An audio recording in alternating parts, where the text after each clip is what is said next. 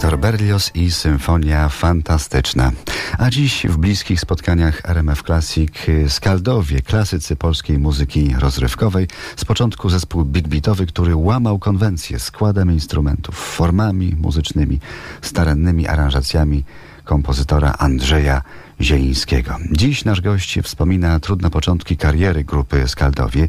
Pierwszy festiwal muzyki młodzieżowej nastolatków, ogólnopolski przegląd zespołów big beatowych z finałem na stadionie Lechi w Gdańsku, gdzie ku niezadowoleniu młodej widowni z Wybrzeża, bo wygrali Skaldowie, zdemolowano kolejkę elektryczną w Trójmieście.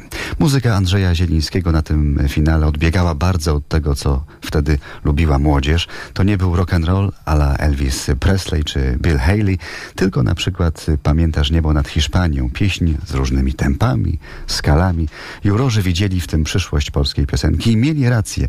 Muzyka skaldów cały czas od pół wieku istnieje. Na początku byli właśnie Skaldowie. Nazwę zaproponował brat Andrzeja Jacek, Skaldowie albo Skaldy, jak na plakatach w czasie pierwszego turnę za wschodnią granicą.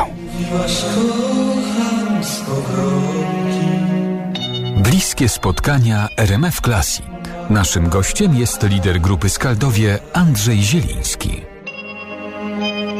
Skaldy to na radzieckich plakatach z tego turda Skaldy to po widziałem. prostu takie wolne tłumaczenie y, nazwy Skaldowie, czy albo y, angielskiego Skalds, po prostu na język rosyjski. Tam to przetłumaczono jako Skaldy, bo powiedzmy w językach europejskich, no to po niemiecku to jest Die Skalden, po angielsku to Skalds, no a po polsku Skaldowie. Także Skaldy to pamiętam w Krakowie taki koncert y, ówczesnych zespołów big beatowych, czyli Szwagry, Czarne Perły, no to ktoś na plakacie zamiast napisać Skaldowie napisał Skaldy. Ale to nie dlatego, że, bo wtedy jeszcze nie byliśmy w Związku Radzieckim na koncertach, tylko po prostu się kojarzyło jak Szwagry, to i Skaldy, czy to, to tak ma być.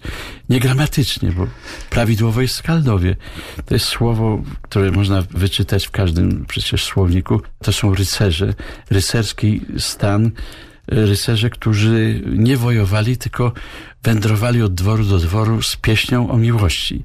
Ta kategoria tych y, średniowiecznych rycerzy miała różne nazwy w zależności od części Europy. I tak to byli we Francji troubadours, czy truwerzy, w Niemczech byli Minnesänger, czyli piewcy miłości według staroniemieckiego języka. W Polsce byli rybałci i ukulatorzy, e, bardowie byli. E, W Rosji byli skomorochy albo pieśniary. To taki zespół zresztą był na Białorusi kiedyś. Także różne nazwy. Myśmy przyjęli nazwę Skaldowie, bo nam najbardziej pasowało brzmieniowo i jakoś tak geograficznie, ponieważ Skaldowie to była raczej nordycka grupa e, twardych ludzi, oczywiście długowłosych, długowłosych, bo wtedy tak wyglądali ci wikingowie. No i poza tym Skald to się nam kojarzyło również ze skałą, czyli coś, Coś polskiego. Coś polskiego ze skalnym podhalem, czyli z czymś, co nas, y, co było dla nas bliskie i w muzyce i, i w ogóle. No i, i właśnie z tego źródło słowu właśnie pochodnego, od tych trubadurów, truwerów, bardów, innych, propozycja Jacka z tych wszystkich nam się najbardziej spodobała i tak zostało. Czyli tym tropem panowie Tym jakoś tropem szliście. ja prawda? ten trop rzuciłem, że to będzie dobry trop.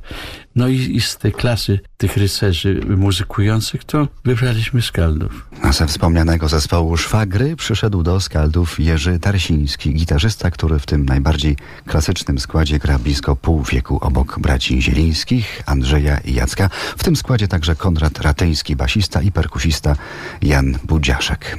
To może coś teraz z klasycznego, żelaznego repertuaru?